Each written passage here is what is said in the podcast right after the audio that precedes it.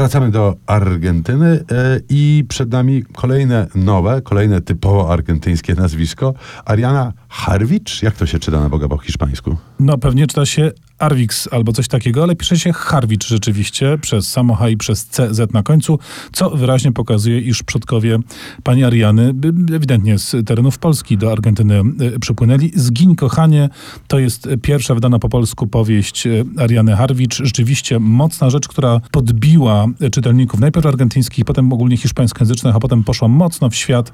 Przypomnijmy, że autorka rywalizowała z Olgą Tokarczuk o Bookera w swoim czasie. To jest króciutka powieść, monolog wewnętrzny kobiety, młodej matki i żony, która po prostu tryska nienawiścią do świata, do męża, do dziecka, a zarazem tryska też pewną cielesnością, y, jest mocno rozerotyzowana. Cały świat postrzega jako y, jakieś takie kłębowisko namiętności, które budzi w niej gniew i najróżniejsze reakcje.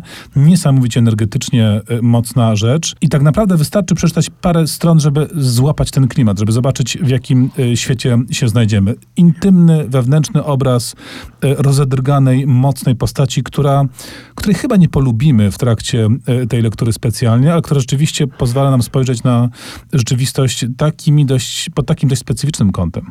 Główna bohaterka Harwicz może wydać się wręcz odstręczająca, może przestraszyć, ale przestraszyć naprawdę potrafi Mariana Enriquez w książce To, co utraciłyśmy w ogniu. Ta książka ukazała się już jakiś czas temu, ale ciągle jest dostępna, ciągle można ją kupić. To zbiór opowiadań. Zbiór opowiadań, które są opowiadaniami grozy, mówiąc mówiąc oględnie, i które są bardzo argentyńskie, bardzo argentyńskie w swoim, no właśnie, takim odmiennym realizmie, surrealizmie, do, do których przyzwyczaiła nas cała masa argentyńskich autorów, od Cortazara i Borgesa poczynając, a na Enriquez właśnie kończąc, z tym, że są to rzeczy osadzone w bardzo współczesnych realiach. One się dzieją tu i teraz we współczesnym Buenos Aires. Spotykamy bohaterów, którzy się snują po mieście i rzeczywiście z tego miasta i z ich historii i z ich życia wieje grozą. Grozą gęstą, zawiesistą, jak równikowe powietrze, mimo że do równika z Buenos Aires daleko. No jest kawałek, rzeczywiście.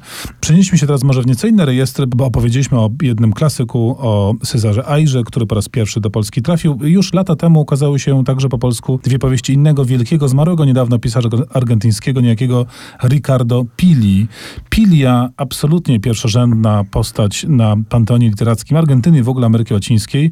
W Polsce się jakoś nie przebił, a straszna szkoda. Mamy on tego... ma jakąś taką opinię pisarza niezwykle hermetycznego, mam wrażenie. Co jest przedziwne i, i, właśnie, by zweryfikować tę opinię, można by sięgnąć po jego drugą wydaną po polsku książkę, czyli Spalona Forsa, bo to jest historia kryminalna, historia pewnego napadu, y, y, relacji dwóch gangsterów, y, którzy y, rzeczywiście tę tytułową forsę wykradają i potem uciekają z Buenos Aires do Urugwaju, a więc kryminał. Y, Pilia miał skłonność do kryminalnych fabuł, ale oczywiście potraktowanych w sposób specyficzny literacki i no, odległy od tego, co, co ze sztampowością kryminalną nam się kojarzy. Żeby Państwo nie mieli problemu ze zlokalizowaniem Pili w bibliotece, przypomnijmy, że to włoskie nazwisko, a więc G jest nieme, więc po polsku de facto brzmi ono Piglia.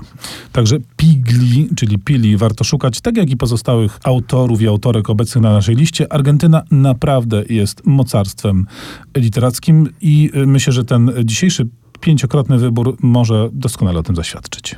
Jeszcze trochę muzycznych klimatów argentyńskich. O Jezus, jak będziesz cipatielnie. Ensueños Luisa Bordy z filmu Ostatnie Tango.